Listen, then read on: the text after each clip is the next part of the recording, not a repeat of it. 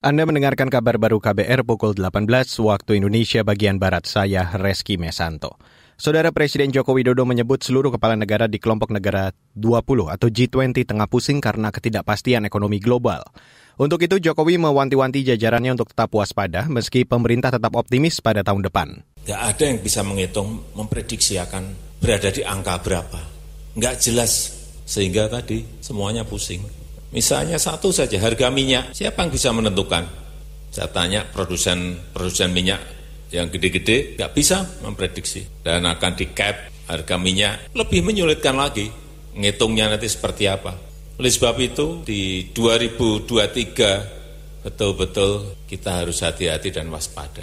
Saya setuju bahwa kita harus optimis tapi tetap hati-hati dan waspada.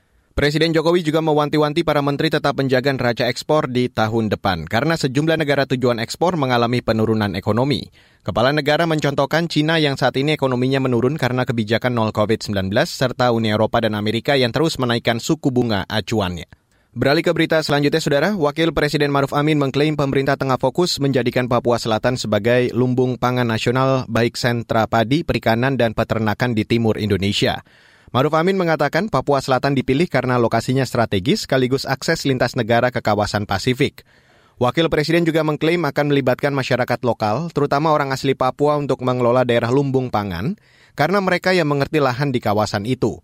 Maruf juga menginstruksikan jajarannya untuk membahas isu dan agenda pemerintahan dan kemasyarakatan di daerah otonomi baru Papua Selatan. Saudara Gubernur Bank Indonesia Peri Warjio optimis pertumbuhan ekonomi nasional bergerak mencapai 5,3 persen pada tahun depan.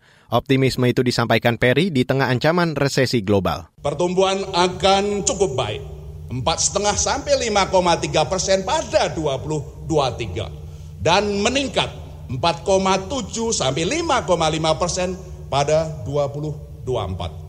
Selain ekspor, konsumsi dan investasi meningkat. Hilirisasi infrastruktur, penanaman modal asing, pariwisata, dan lainnya. Gubernur BI Peri Warjo juga optimis perekonomian Indonesia stabil dipengaruhi masuknya liran modal asing atau investasi ke tanah air.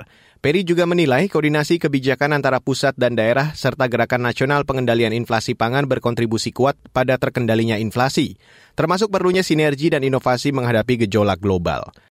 Dan saudara, demikian kabar baru saya Reski Mesanto.